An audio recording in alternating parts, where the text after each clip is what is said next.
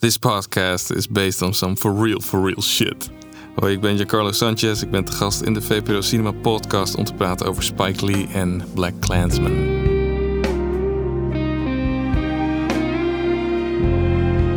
En welkom bij de VPRO Cinema Podcast. In deze podcast gaan we het hebben over film. Geen korte interviews, maar gewoon een goed gesprek. Met deze keer Spike Lee en zijn nieuwste film Black Klansman. Mijn naam is Jasper Tonnon en ik ben hier zoals altijd met mijn co-host Stephanie Laurier. Ja, hallo, hallo, hallo. En onze gast vandaag. Voor en tijdens zijn studie bij de Filmacademie regisseert hij diverse videoclips. Onder andere voor Ronnie Flex en de Opposites. Voor zijn eindexamenfilm Game Boy wint hij de Topkapi Films Fiction Award en krijgt een nominatie voor de Tuschinski Award in Utrecht. In 2015 wint hij nog een prijs tijdens het Student Film Festival in Babelsberg. En we gaan nog even door, want voor zijn film Horizon in 2016 ontving hij het Gouden Kalf voor beste televisiedrama. Wauw, goed bezig en welkom Giancarlo Sanchez. Goedemorgen. Goedemorgen. Goeie naam ook. Dus heb je Colombiaanse roots? Ja, mijn moeder komt uit Colombia en mijn pa is Argentijn, maar ze waren gewoon heel erg fan van Italië. Dus vandaar de Italiaanse. Ja, ik, ik hoorde Colombiaans. Ik had eigenlijk gezegd, moeten zeggen Italiaans. Sorry. Ja, goed. maakt niet uit. Deze aflevering eh, staat zoals gezegd dus in het teken van Spike Lee. eh regisseur van onder meer Do the Right Thing, She's Gotta Have It, Malcolm X, 25th Hour. Ehm, aanleiding hiervoor is zijn nieuwe film Black Klansman... dat het bizarre en grotendeels waargebeurde verhaal vertelt... van een zwarte politieagent in de jaren 70 in Colorado... die infiltreert bij de Ku Klux Klan met behulp van zijn witte Joodse collega. We bespreken de film en Spike Lee's oeuvre weer aan de hand van drie stellingen. Zoals jullie inmiddels van ons gewend zijn. Dus de eerste stelling. Black Klansman is Spike Lee's belangrijkste film sinds Malcolm X. Zijn belangrijkste film sinds Malcolm X. Stephanie. Ja, ik, ik wil eigenlijk wel meteen een stelling innemen. Want eigenlijk kan je ook over zeggen ja en nee. Dus ik, toch? Dus Ja. ik kies nu voor ja. En dat is ook omdat ik ook niet alles heb gezien van Spike Lee. Eh, kijk naar jou, jij hebt wel alles gezien. Eh, niet alles, maar eh, de, de mijlpalen. zeg ja, nou, de grote dingen. Ja. Ik moest ook meteen denken aan Do the Right Thing, maar dat is daarvoor. En ik vind wel dat eh, Malcolm X en eh, Black Klansman wel hele belangrijke films zijn, omdat ze natuurlijk iets zeggen over het huidige Amerika en de staat daarvan. Dus ik vind zeker dat dat een hele belangrijke film is. Sinds eh, Malcolm X eigenlijk, ja. En jij, jij bent dus een grote fan. Je hebt veel meer gezien de- wat ertussen zit. Wa- Waarom ben je eigenlijk zo'n groot fan van Spike Lee? Eh, ja, nou, het begon eigenlijk, of eerst, ja, je- hoe kom je in aanraking met Spike Lee? Eh, we, we hadden thuis eh Canal Plus. En naast voetbal eh, kwam er dan wel, was er een programma dat heet Inside the Actors Studio. Ja. En dan worden acteurs geïnterviewd, regisseurs. En op een gegeven moment was daar Spike Lee. En, eh, en toen tunede ik in en toen was hij aan het huilen. En toen dacht ik, "Huh, wat is dit voor meneer? Wat doet hij? En toen was hij aan het huilen omdat hij aan het uitleggen was hoe hij geld ehm, heeft eh, verzameld om Malcolm X te maken. Dat hij dat van Oprah had eh, geleend, terwijl ze wist dat het niet eh, terug zou komen van Michael Jordan en zo. Toen dacht ik, wauw, die gaat heel ver voor zijn films. Toen was ik 15 of zo. En toen begon ik me een beetje te verdiepen in zijn films. Zag ik eerst Malcolm X, toen Do, Do the Right Thing. Ja, het is Ja. wat. Het is, Ja. eh, het is een speciale maker. Toch? Ja, ja, zeker. Want hij is heel, heel, heel bevlogen, heel, Ja. heel emotioneel. Ook als je naar die Cannes persconferentie Ja. kijkt, dan denk je van Jezus, eh, die, die barst bijna uit zijn, eh, uit zijn vel. Ja. En denk jij dat Black Klansman dus de belangrijkste film is sinds Malcolm X? Nou, ik denk het dus wel, omdat stel je voor, er zit een film tussen die, die je beter vindt of die, die eh, misschien wat eh, treffender is. Dit is in ieder geval zijn spraakmakendste film sinds Malcolm Ja. X, denk ik. Bereikt het grootste publiek ook. Exact. Dus dat maakt het volgens mij vanzelf, als, als hij er zoveel mensen over laat praten en als het zoveel mensen beweegt en eh, ontroert. Mhm. Ehm, ja, hij is wel, dit is wel een soort van eh, comeback, als je het zo kan noemen. En heel Ja, want actueel. het- Het is de belangrijkste film Ja. gemaakt op het juiste moment. Dat is natuurlijk wel. Totaal. Ja. Ja, het is een soort comeback, want hij heeft, hij heeft natuurlijk zijn, in het begin van zijn carrière heeft zich heel erg vastgebeten in zijn thematiek, zeg maar, de, de rassenverhouding in de Verenigde Staten. En de laatste tijd had hij die een beetje losgelaten. Af en toe nog wel een film tussendoor, maar hij heeft ook heel veel normale films gemaakt, genrefilms, remakes zelfs, twee. Wat natuurlijk heel erg niet Spike Lee-achtig is, zeg maar. Ehm, en het was een beetje alsof hij zelf ook in slaap gesukkeld was, zeg maar. Maar dus doordat Obama in het, Witte Huis was, is de problematiek van de rassenverhoudingen een beetje naar achter geschoven in de Verenigde Staten en ook naar achter geschoven in de films van Spike Lee. Dus het is een beetje alsof de man die ons letterlijk elke film eh, zegt dat we wakker moeten worden, wake up, zegt hij in elke film, eh, of hij zelf in slaap is gevallen. En nu is hij weer wakker, want Trump is in het White House en de alt-right is in opkomst en nu is hij weer boos. Ja, hij heeft misschien Ja, iemand nodig om, eh, Ja. om die, hij heeft die volgens mij gedijt hij best wel goed ja. onder woede, toch? Hij moet boos zijn. Ja. Ja. ja. ja. Maar daarom is het ook wel Maar- grappig dat hij dan zo boos is en dat hij dan toch ook wel een vrij humoristische film in die zin heeft gemaakt. Dat vond ik ook wel. Ja, maar wel vol ingehouden woede. Ja, tuurlijk, tuurlijk. Ja. Maar ik bedoel, je kan ook gewoon heel veel echt woede Ja. en dat gewoon Ja. laten doorzijn van dit is het. Fuck Ja. jullie allemaal. Maar dat vond ik ook wel. Dat heeft hij ook genoeg gedaan. Maar dit is inderdaad. Hij, ik denk ook echt omdat hij een groter publiek hiermee wil bereiken. ja, ja, klopt. Want hij wil gewoon een, een Ja. groot publiek bereiken met deze boodschap. ja. Maar als, nou, ja, als je dus moet zeggen, is dit de beste film jij, ja? Ja, als je, moet- is het de beste film van Malcolm X? Dan, ik heb dus even op IMDb gekeken. En als je alleen al- als je zijn, zijn videoclips en zijn korte films en zijn, zijn videogames en, eh, en stand-up comedy dingen allemaal eraf haalt, zeg maar. Dan heeft hij sinds Malcolm X in 1992 20 fictiefilms gemaakt en 13 documentaires. Dat is echt onwijs veel. Ja. Hm. Dit is niet eens zijn eerste film uit 2018, Black Clansman. En hij is ook nog beter, bezig met het tweede seizoen van She's Gotta Have It. Die man is echt zo druk. En als je zoveel films maakt, kunnen ze natuurlijk niet allemaal goed zijn. En ze kunnen niet allemaal belangrijk zijn. ja, belangrijk, Ehm, dat is het voornamelijk. ja, want- het belangrijkste. Dat is wel een verschil. Want ik denk wel dat hij sinds Malcolm X hele goede films heeft gemaakt. Ik denk dat eh, Inside Man ontzettend goed is. 25th Hour is denk ik mijn favoriete film van Spike Lee. Dat vind ik de beste film die hij gemaakt heeft. Maar ja, dat zijn hele goede films. Maar dat zijn natuurlijk niet zulke belangrijke films. In ieder geval niet op dit thema, zeg maar. Ja, maar hij probeert het wel. Dus volgens mij is hij best wel nat gegaan met zo'n oorlogsfilm die hij eh, had gedaan. Die ten tijde uitkwam van dat Clint Eastwood ook twee oorlogsfilms uitkwam. Ja, Of wel uitbracht. Letters of Iwo Jima en zo. Ja. Juist. En, en dat moest dan de, de magnum opus zijn van Spike Lee. ja. En dan wordt dat het niet. Nee, inderdaad. Weet je? Dat, Ja. Eh, dat, dat, dat, hij, eh, dat hij zich inhoudt met deze film. Of Ja. dat hij humor gebruikt als tegenkleur.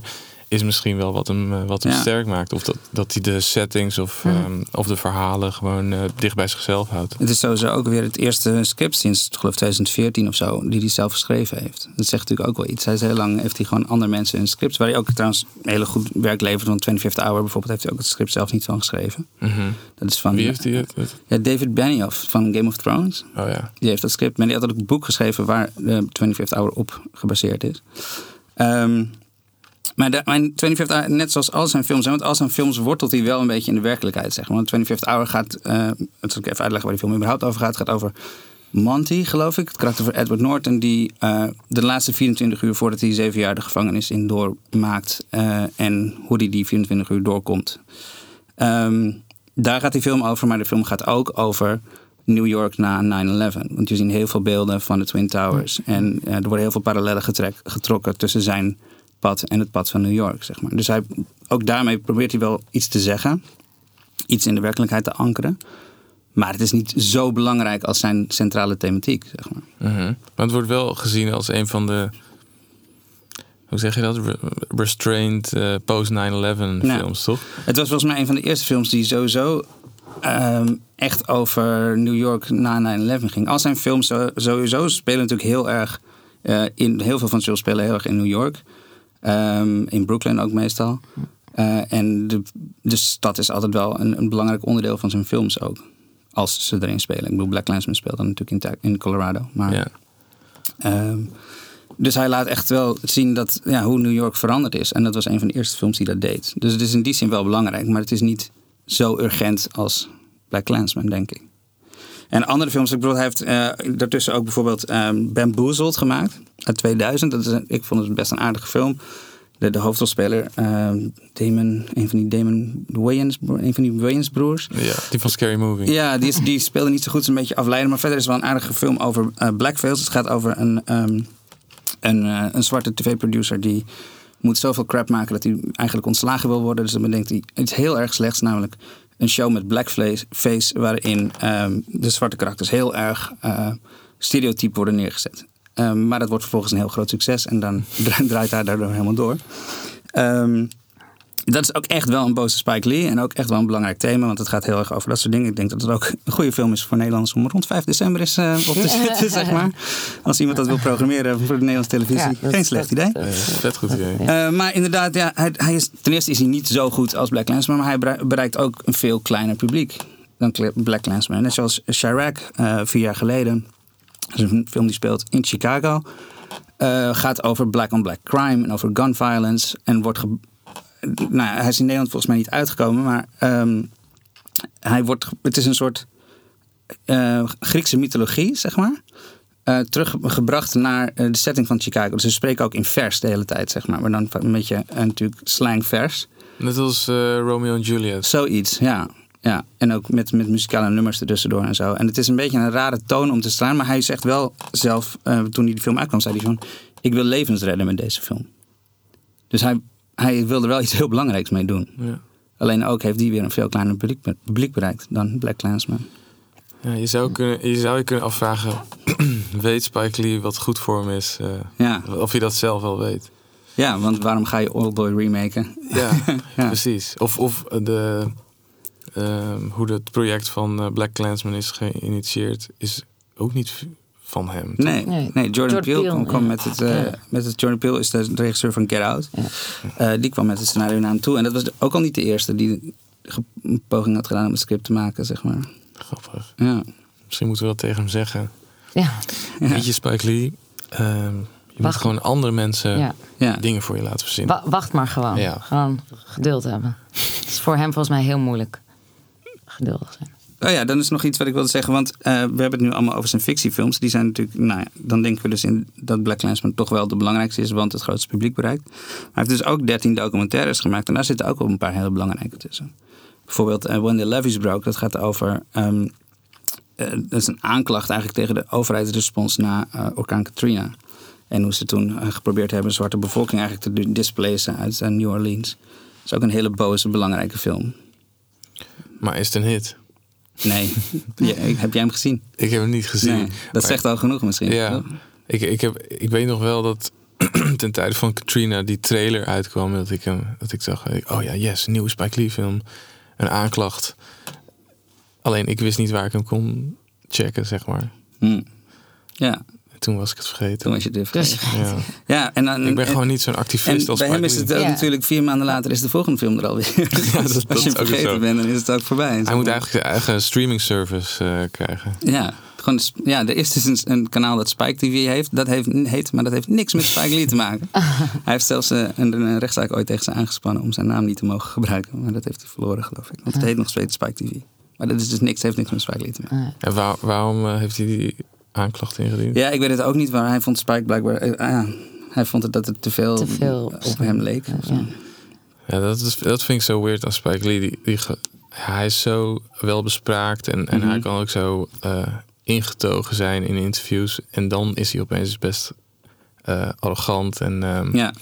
en blaast hij hoog van de toren. Dus dat, als je dan zegt, ja, hij gaat Spike TV aanklagen omdat het te veel op Spike Lee lijkt. Dat, dat, ja. ja. Dat is dan ook een beetje. Uh, maar dat typeert hem natuurlijk ook. Ja, dat is, dat, dat is ook weer. Ja. Maar dat is hij niet altijd. Dus, dus je hebt heel veel interviews ook over zijn films die dan. Waar die gewoon heel academisch, want het is gewoon een cinefiel. Ja. En rustig Ja, dat allemaal Ja. uitlegt. Alleen dan zie je zo'n persconferentie. En dan is die, Ongelooflijk. Dan Ja. is het dat soort van, soort van twee, twee eh, persoonlijkheden. Het is alleen maar, ja, fucking dit, fucking that, fucking Ja. bullshit, fucking the world.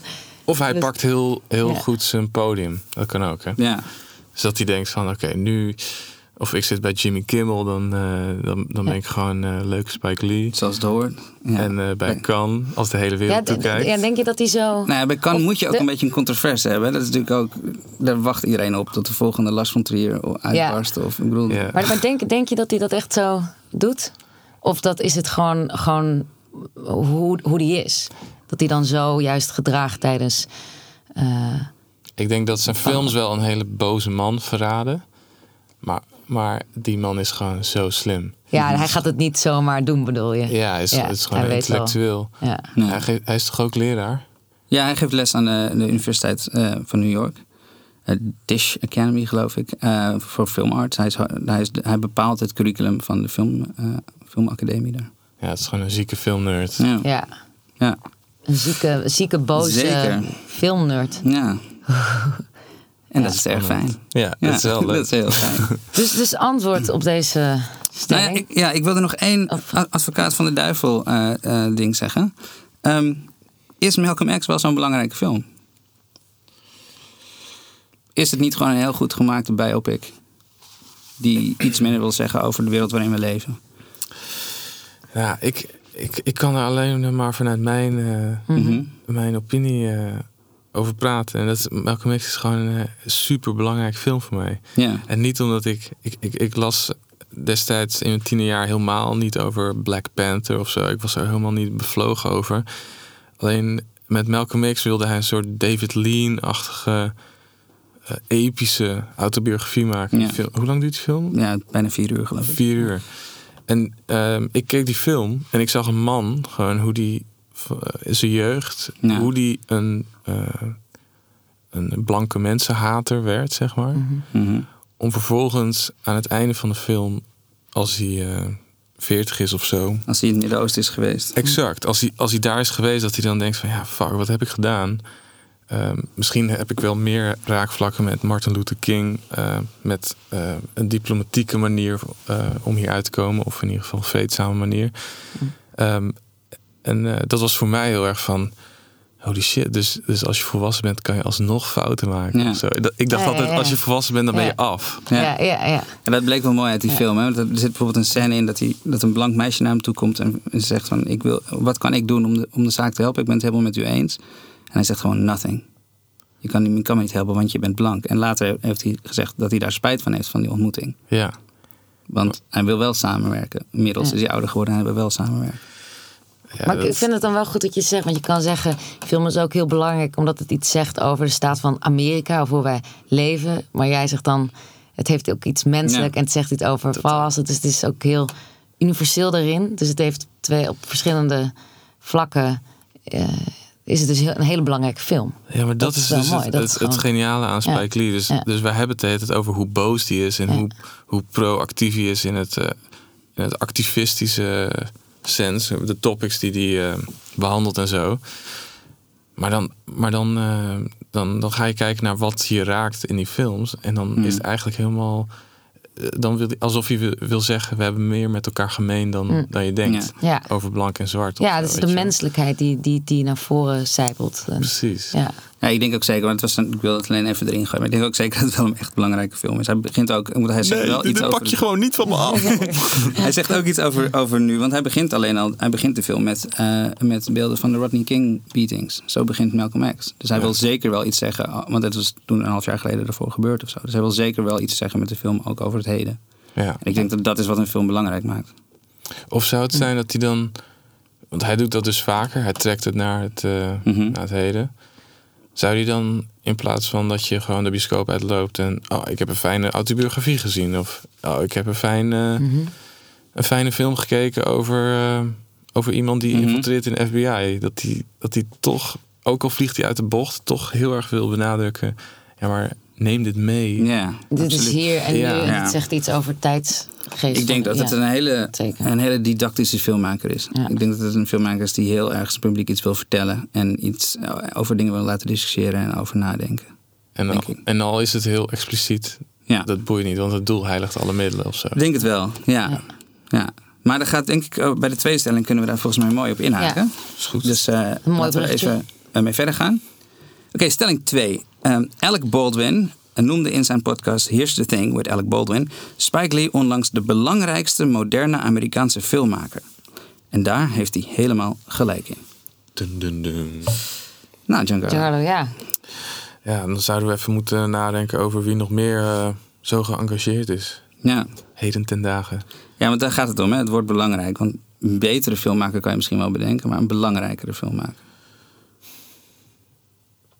Wat, en, en we blijven even in het eh, raciale. Mhm. Eh, Steve McQueen, wat hij heeft gedaan met 12 Years a Slave. eh, volgens mij Ja. een groot publiek bereikt. Ja. Zeker. Prijzen gewonnen. En die film doet ontzettend veel pijn, toch? Als je hem Ja, ziet. het, het is alleen geen Amerikaan. Oh ja. Aha. Die Alec Baldwin. Ehm, even kijken. Ja, shit man. Ja, en ja, ik, ik denk, nou, ik zal maar even beginnen dan. Want ik denk dat die zeker heel belangrijk is. Ik heb erover nagedacht en ik denk, kan inderdaad wel regisseurs noemen die beter zijn. Die meer goede films of minder slechte films hebben gemaakt. Eh, maar niet iemand die belangrijker is in het maatschappelijke debat. En dat is dus door wat we net over hadden. Dat hij zo'n didactische filmmaker is, zeg maar. Hij wil ons gewoon, eh, hij wil een discussie op gang brengen. Hij wil ons dingen vertellen. Eh, hij is daar niet altijd subtiel in, zeg maar. Maar ehm, ja, hij heeft een heel duidelijk punt. Hij is boos.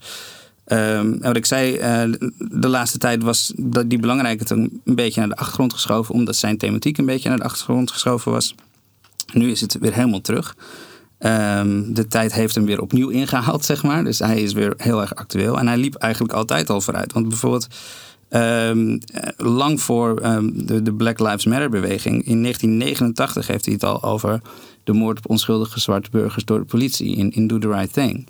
En hij, hij roept al letterlijk sinds de jaren 80 wake up tegen iedereen. En nu begint iedereen langzaam woke te worden. Ja. Dus Het is bizar. Het is, het is alsof toen Obama er was.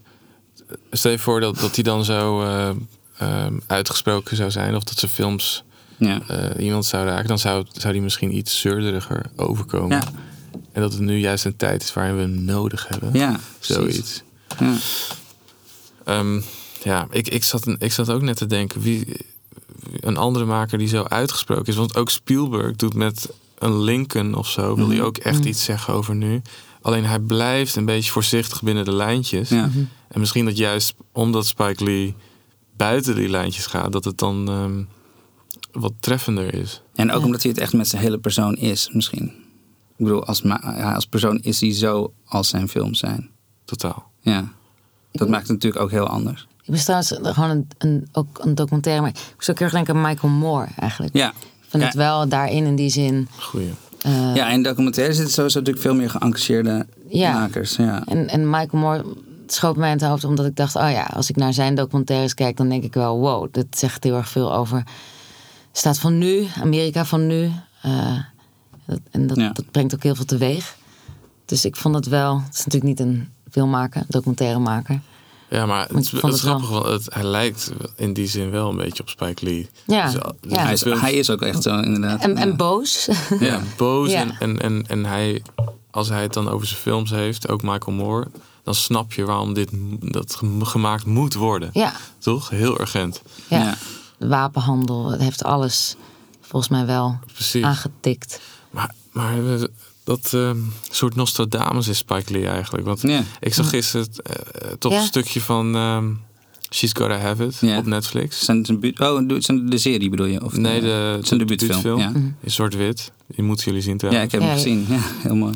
Ehm, en dan gaat het opeens over ehm, hoe mannen vrouwen behandelen. Ja. Wel, wel binnen in een soort van zwarte gemeenschap. Het is een hele zwarte cast. Toch? Alleen, Ja. ehm, alleen dan denk je opeens, oh ja, eh, hier hebben wij het nu de hele tijd over. Ja. Ja.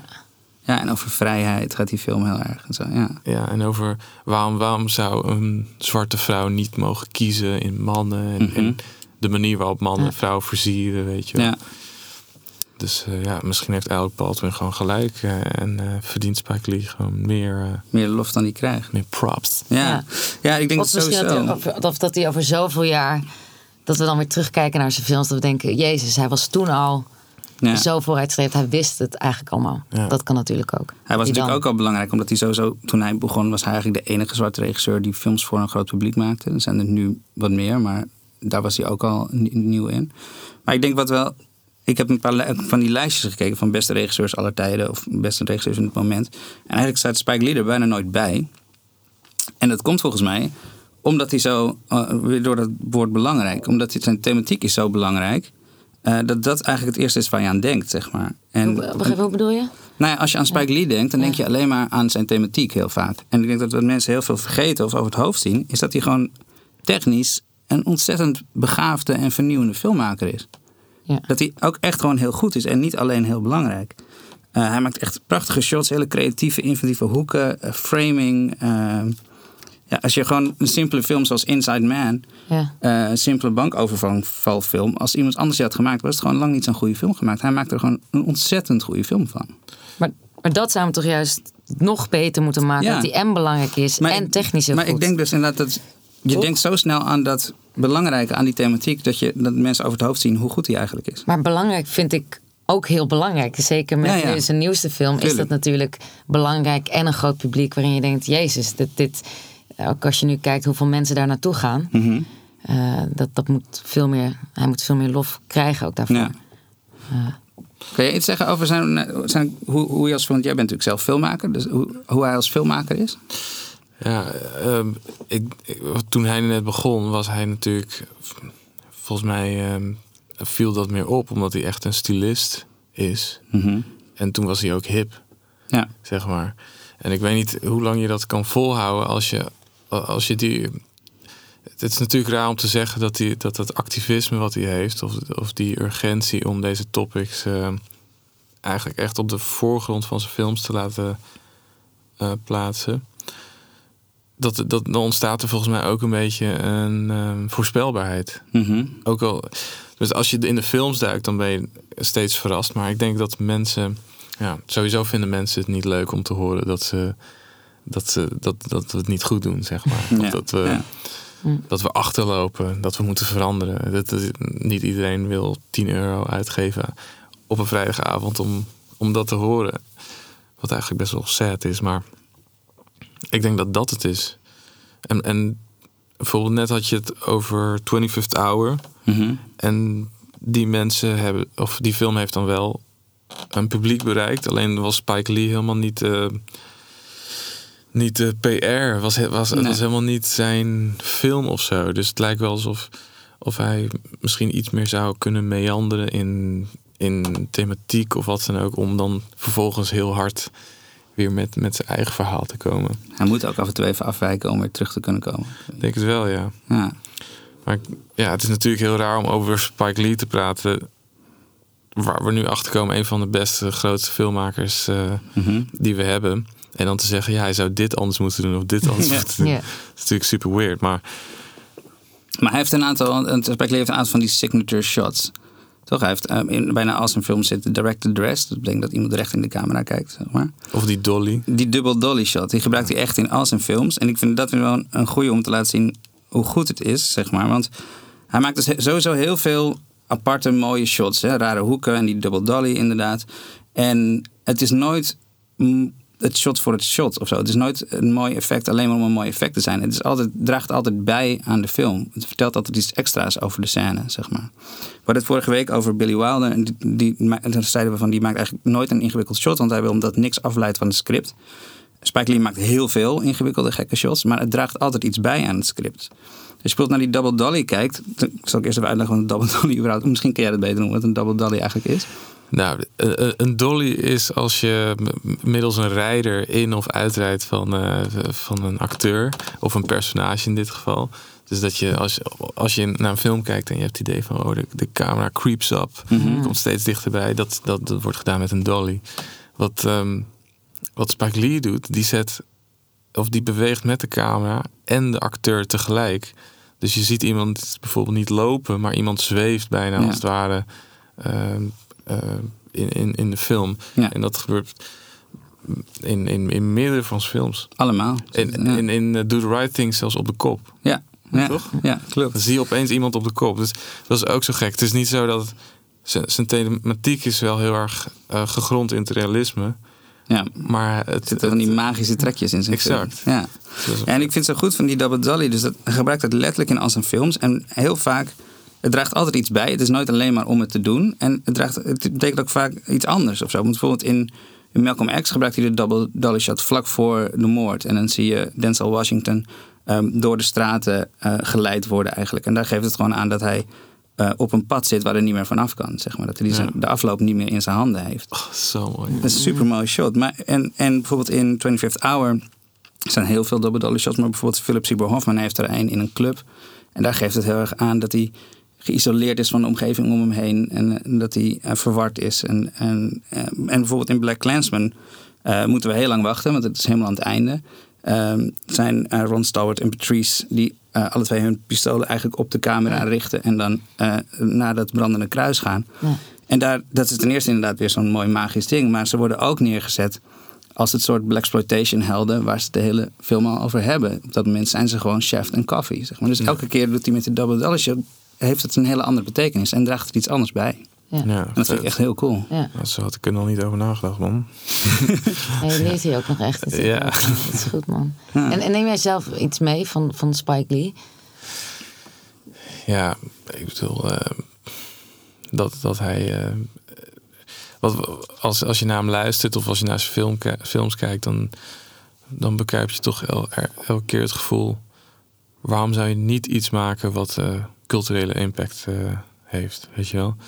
Dus het, het- dat hele wake-up wat in zijn film zit, Mhm. ehm, dat lijkt wel alsof hij dat ook impliciet naar makers eh, schreeuwt. Mhm. Ja, ja, ja. Van als je iets doet, waarom zou je dan niet iets doen wat, wat, wat de wereld eh, eh, verandert, al is het one person at a time, zeg maar. Ja. Eh, best wel confronterend. En doe je, en luister je daarnaar, naar die wake-up call? Ja, Ja? dat doe ik wel. Ja. Of ik echt zo, zo didactisch als eh, Spike Lee zou zijn, dat weet ik niet. Want ik weet niet of ik zo ben. Maar ehm, ik denk wel dat je, ehm, dat je op allerlei manieren dingen kan doen om, eh, om de wereld te veranderen. Mhm. Daar moet je niet bang voor zijn of zo. Precies. Ja. Bijvoorbeeld eh, een, een beetje een gek zijspoortje, maar een goed voorbeeld is dat eh, Kathleen Kennedy, zijn producer die Mhm. altijd met eh, Spielberg films maakte, die mag nu alle Star Wars films maken. En zij kiest dan expliciet van ja, in de nieuwe Star Wars film zijn hoofdrolspelers een chick en een donkere gast. Ja. Punt. Ja. Daar wordt, daar wordt gewoon speelgoed van gemaakt. Er worden gewoon dekbedden van gemaakt. Ja. Met Halloween kan nu een meisje ook een Star Wars eh, eh, personage zijn. Mhm. Of, een, eh, of een zwarte jongen. En ehm, dat is dan niet een politiek beladen film of zo. Maar daarmee verandert ze. Ook al is het een soort money business. Ja. Ze, ze verandert Anders toch wel iets. Ja. Ja. Dus eh, Spike Lee en Kathleen Kennedy zouden best eh, een kopje koffie met elkaar kunnen. Worden. Ja, misschien Oh, samen films maken. Ja. Of een Star Wars film van Spike Lee. Oh. Hoe zou dat Oh, zijn? ja. Gesponsord door Nike met Colin Kaepernick in de hoofdrol. Ah, En het- wow. vet. Ja. Maar wel een soort opstand, toch? Ja, ja, Een precies. soort revolutie. Ja. Ja. Oké, dan gaan we naar de derde stelling. Ehm, dus de derde stelling is niet echt een stelling, het is een citaat van, eh, van Spike Lee zelf. I don't think my films are going to get rid of racism or prejudice. I think the best thing my films can do is provoke discussion. Dus eh, ik denk niet dat mijn films eh, eh, racisme de wereld uit kunnen krijgen. Ik denk dat het beste wat ze kunnen doen discussie opwekken is. En het ga- gaat hier dus niet om kan kunst de wereld veranderen. Want dat is een, veel, een heel ander gesprek. Maar het gaat erom hoe Spike Lee dus films maakt om discussie op te wekken. En, en wat vind jij ervan? Ehm, ik denk dat Spike Lee, nou, wat ze net zei, hij is een super didactische filmmaker. Hij wil discussie op gang brengen, hij wil iets vertellen. Eh, en hij doet het, zoals ik net al zei, niet subtiel. Je hoeft eigenlijk nooit echt te graven wat de betekenis van een film is. Het is duidelijk, het wordt vaak letterlijk uitgesproken. Ik bedoel, denk maar aan Jungle Fever of Do the Right Thing. Soms zelfs recht in de camera wordt het uitgesproken. En vaak ehm, ben ik en, zijn wij eh, films, fan van films die iets. We zien graag films die iets subtieler met hun boodschap omgaan. Zeg maar, een boodschap iets subtieler brengen. Vooral in Ehm, Europa, toch? Vooral in Europa, ja. En maar in dit geval is het gewoon nodig. Bijvoorbeeld bij Black Clansman. Eh, ik denk dat we het nu ehm, trouwens over Black Clansman eh, gaan hebben inhoudelijk. Dus even een spoiler warning. Ehm, Ja. Als je de film nog niet gezien hebt, zet de podcast even op pauze en ga hem kijken. Het is echt een ontzettend goede film. Eh, en wat wij nu gaan bespreken gaat dat waarschijnlijk redelijk voor je verpesten. Ja. Dus eh, ga dat gewoon kijken. Spoilers. Oké, dan kunnen we nu verder. Ehm, Het einde, het einde. ja, nou, ik wil zeggen, eh, Black, Clansman is dus ook absoluut niet, niet subtiel. Maar dat, die niet-subtiliteit heeft hij gewoon nodig. Want hij wil ons niet bereiken, zeg maar. Voor ons had hij die boodschap subtieler kunnen maken. Maar hij wil niet ons bereiken. Hij wil de mensen bereiken die op dit moment een andere mening hebben, zeg maar. En die wil hij laten zien waar Trump en de alt-right eigenlijk voor staan. Volgens mij. Dus dat die, die niet-subtiliteit is nodig. Ik bedoel, als hij... ehm, de, de, de letterlijk laat scanderen America first, America first. denk je van ja, ja dat zit wel heel erg on the nose. Maar aan de andere kant, het is waar. American first is al een, een, een leus van de Klan sinds eh, lang voor de jaren zeventig. Die, Wauw. die Trump heeft overgenomen. Ja. Dus dan wordt, dat kan je hem dan wel vergeven. Maar ah, ja, het is, het is wederom niet subtiel, maar het is wel heel erg goed. En Ik ben dan wel benieuwd of echt Trump-aanhangers. Wat, wat zij dan van de film denken. Of dat ze dan Ja. echt ook gaan denken. Oh, wacht eens even. Ik weet, ik weet, ik Hold weet het. on ik- a van. Ik- ik- dat- daar ben ik dan wel benieuwd naar. Ja, maar ik denk dat het, dat het belangrijk is dat hij zo niet subtiel is, omdat het anders ehm, preken voor eigen parochie is, zeg maar. Ja. Ja, en hoeveel... Ik, ik heb de film gezien in een filmhallen. Helemaal niet zoveel eh, black people. Nee. Eh, maar die film die loopt af en iedereen blijft zitten. En Ja, Ja. ja, je voelt wel een soort eh, ja, eh, besef. ja. Ehm, ja, het klinkt echt heel eh, hoogdravend, maar het lijkt wel alsof hij met één film en die laatste eh, sequentie iedereen even doet inzien van ehm, elke keer als je zegt dat ongelijkheid of dat racisme niet bestaat, ja. dan sluit je je ogen er eigenlijk voor. Mhm. Nou, is dat is onwijs- super krachtig. Het is onwijs krachtig, Maar, ja. maar voor mij was het wel, het einde maakte wel alles. eh, eh, of nou, nou goed, ik, dat, dat deed het hem wel. Ja, laten we even want- vertellen wat het einde is, want anders blijven we eh, in, in abstracte praten. De film eindigt eigenlijk redelijk positief. Ehm, voor- de hoofdkarakters loopt alles goed op. De zaak wordt opgelost. De racistische agent wordt zelfs nog even gearresteerd tussendoor. Eh, Ze hebben het overleefd. Ze hebben het overleefd, wat ook al een plus is. Ehm, aanslag voorkomen. En dan snijdt hij ineens naar footage van Charlottesville. In, eh, ja, en en de, de, de, de veldslag die er plaatsvond. En de auto die inrijdt op het publiek. En vervolgens de reactie van Trump daarop. ja. En het wordt gesneden als een soort manie. eh, heel snel op elkaar. Ja. Heel veel geluiden door elkaar. Ja. Zodat je, als je ernaar kijkt, dan, dan, dan, ehm, dan stik je bijna. Ja. Juist. Dus het Je- komt ontzettend hard binnen. Ja. Ja. Maar dat was dus niet, dat is natuurlijk ook, dat weten we wel allemaal, dat het niet het einde was. Het einde was gewoon het kruis, of daar zou het bij eindigen. Mhm.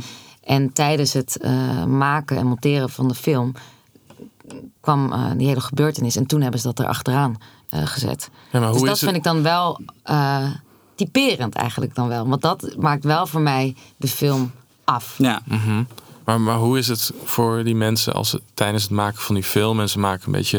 Ja, was Een tijdens het van script gebeurde dit. Ja. Ja? Ja. Oh, dus ze maakt het vorige herfst, dus na. Oh. Oh ja. Ja, precies. Dus daarvoor je bent het verhaal aan het maken. Ja. En dat soort dingen gebeuren, Gebeuren, die, ja. die thematisch dan. eh, Naadloos zo- aansluiten op je mee, mee Ja, en dan kan je, kan je ervoor kiezen om een scène toe te voegen die ernaar ver- verwijst. Maar je kan er ook voor kiezen om het gewoon letterlijk te gebruiken. Zoals Spike Lee doet. Maar als, als die beelden er niet aan vast zaten, wat hadden we dan van de film gevonden? Was het dan zo'n goede film? Ja, want ik vond wel aan het einde, aan, is, is opgelost. Er komt nog een soort grapje tussenin.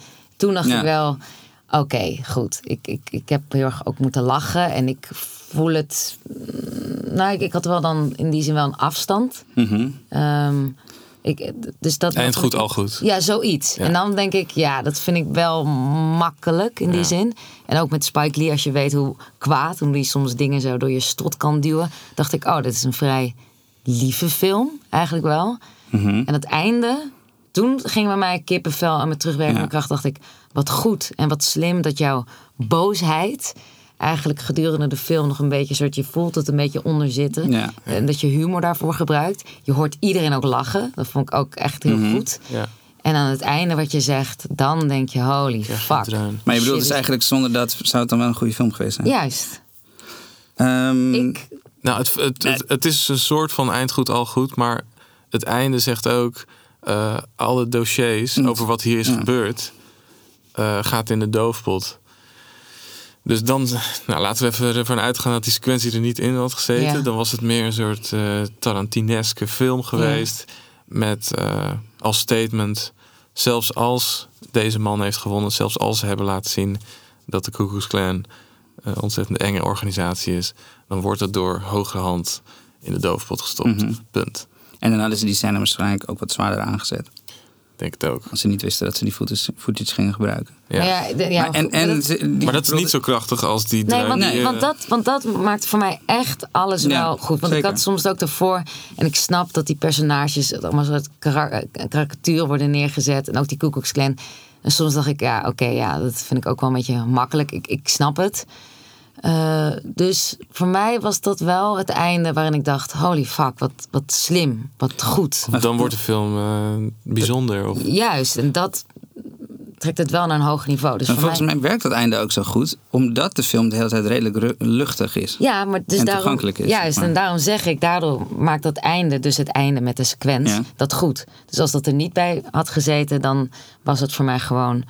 Ja, dan nog. Dan, een- een- het was, geinig film. het was Ja. minder goed geweest, maar dan nog maakt hij wel heel veel verwijzingen naar, naar Trump. En, ja, maar het kwam niet. de huidige bij, situatie. Maar bij mij bleef er dus wel een afstand. Bij mij kwam het niet binnen. Ik dacht, oh jongens, wacht Nee. eens even. Dit is wel. Oh ja, dit, eh, dit had ik niet door. Koekers is echt. eh, ja, het is echt. Nee. echt Ze zijn toch niet zo leuk. Ja, dat. Dus Ja, ik weet niet, misschien ook wel dat. eh, wij zijn natuurlijk geen Amerikanen. Misschien dat voor Amerikanen die verwijzingen sowieso al wat duidelijker waren. Zou kunnen. Maar ik, ik denk ook, als hij die sequentie niet gehad had, dat hij de film misschien iets minder luchtig ge- gemaakt had. Dat weet ik niet. Ja.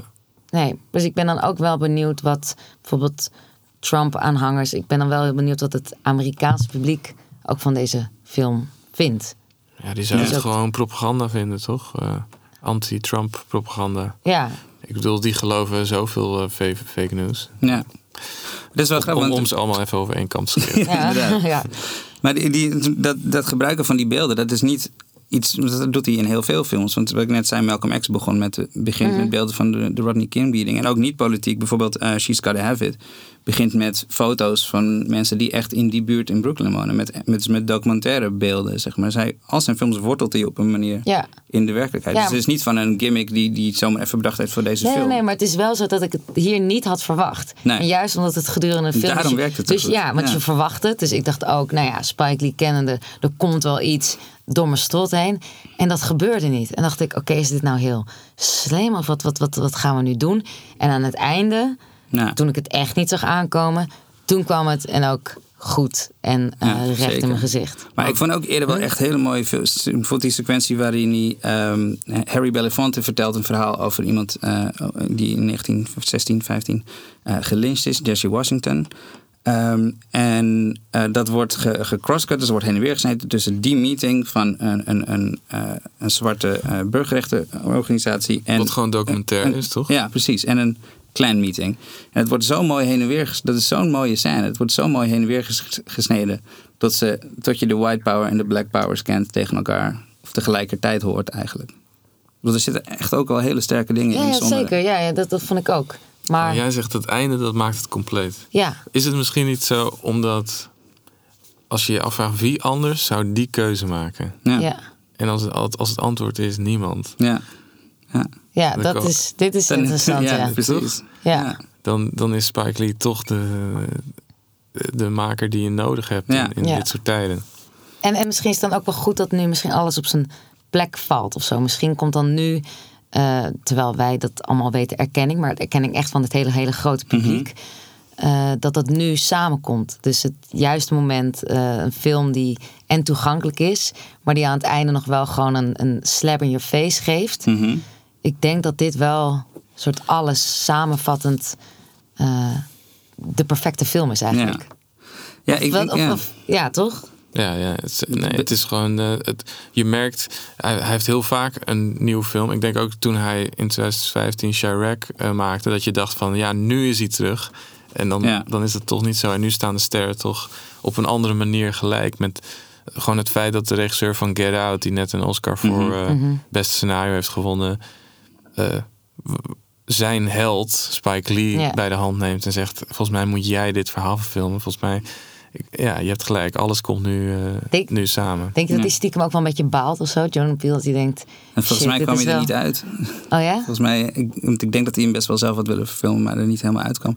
Ik zag een interview met Spike Lee, dat iem- iemand vroeg hem dat van, eh, hoe was het script toen je hem kreeg? En toen zei hij van, als het goed was, hadden ze hem niet aan mij gegeven. Want er moest nog flink wat aangesleuteld worden, bedoelde hij. ja. Dat- maar ehm, over, over dat citaat. Want hij zegt dus eigenlijk... mijn films kunnen eh, niet echt iets beïnvloeden in de wereld... maar alleen discussie op gang brengen. Ja. Ik weet niet, want het is een, redelijk oud citaat... ik weet niet in hoeverre hij er nog steeds eh, mee eens is. Want wat ik net zei met Chirac... zei hij letterlijk dat hij levens wilde redden... door het maken van deze film. En in Black Klansman zegt hij dat The Birth of a Nation... van, eh, van Griffith uit 1915... En de, de, de directe aanleiding is voor het heroprichten van de Ku Klux Klan. En ook in de film zegt hij dat het de aanleiding is voor het lynchen van Jesse Washington in Waco, Texas. Dus hij zegt in deze film dat films wel degelijk de werkelijkheid direct kunnen beïnvloeden. En ik denk dat hij met deze film een soort anti-The Birth of a Nation wil maken. Ja. Was toch ook een andere Birth of a Nation? Ja, van eh, Parker. Ja. Ja. Maar goed, nog even terug naar vraag, sorry. Nate Parker heeft hij gemaakt. Nate Parker. Eh, ja, een anti-Birth of a Nation.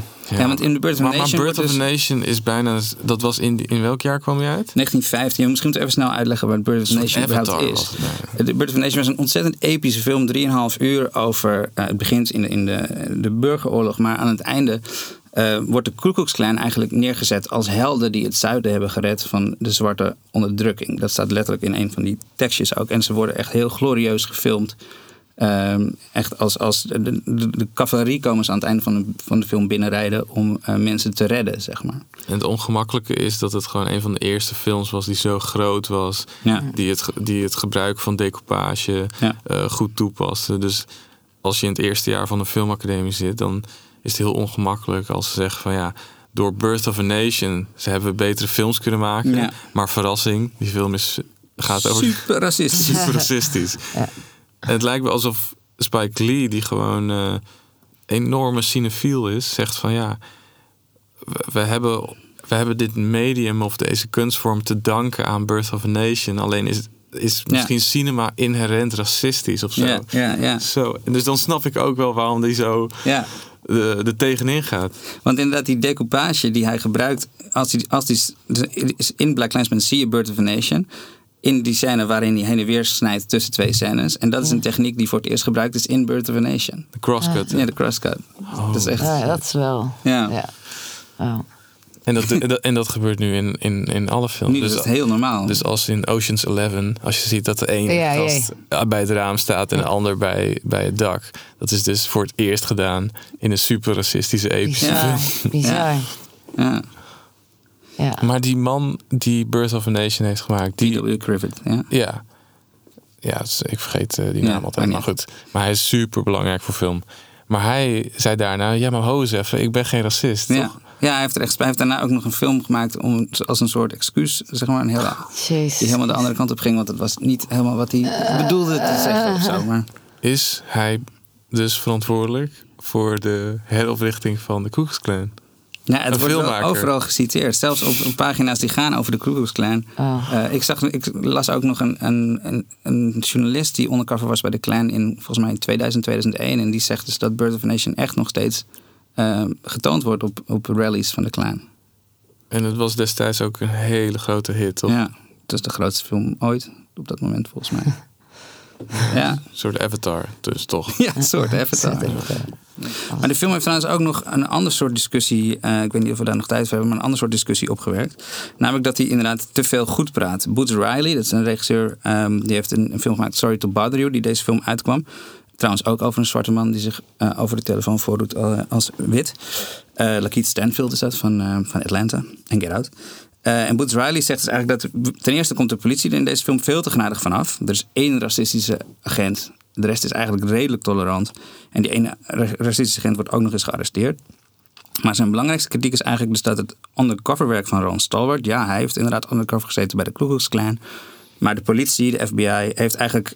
die waren vaker undercover bij de Klan... maar hebben weinig gedaan om ze tegen te houden. Hebben ze eigenlijk alleen maar in de gaten gehouden. En ze hebben ze zelf soms gebruikt om zwarte manifestaties tegen te gaan. En in de film is Ron Stallworth één avond undercover bij de Black Student Union... En in de werkelijkheid heeft hij drie jaar undercover gezeten bij eh zwarte emancipatiebeweging. Dus hij heeft heel veel gedaan om de zwarte emancipatie tegen te gaan. Dus ze komen er eigenlijk veel te positief vanaf. En eigenlijk zegt Boots Riley dus... zonder al die fictieve elementen... dus het feit dat een driver Joods is... eh, de love interest, de explosie die nooit... de aanslag die er nooit was... eh, de arrestatie van die agent...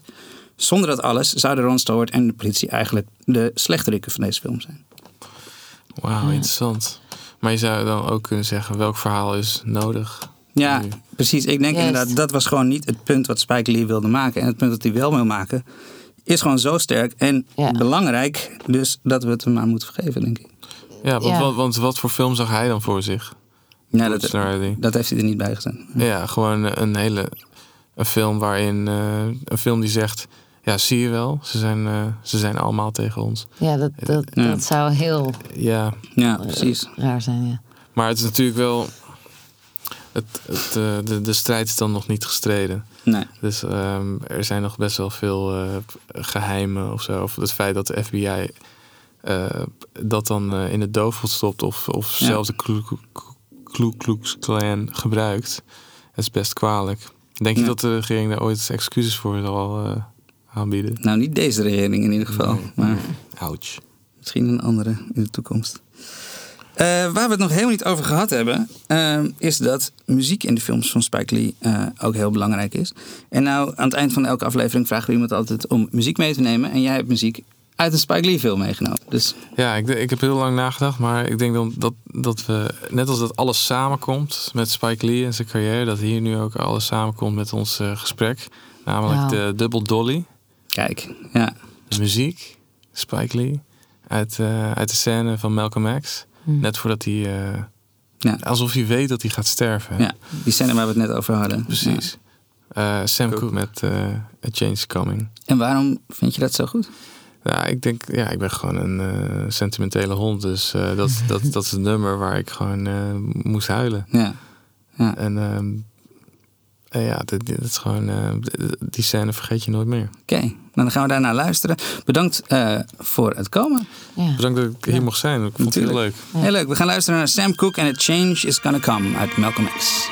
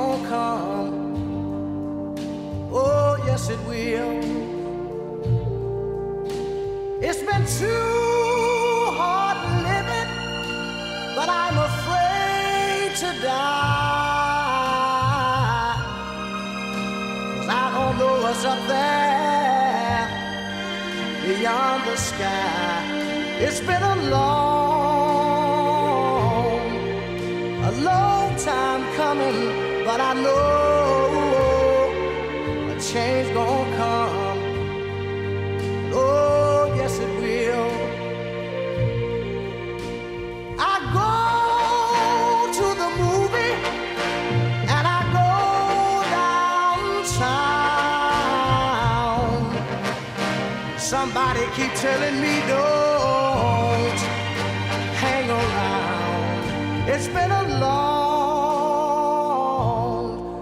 a long time coming, but I know a change gonna come. Oh, yes, it will. Then I go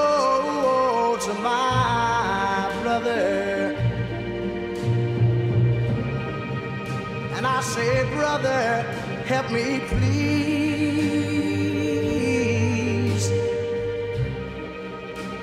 But he winds up knocking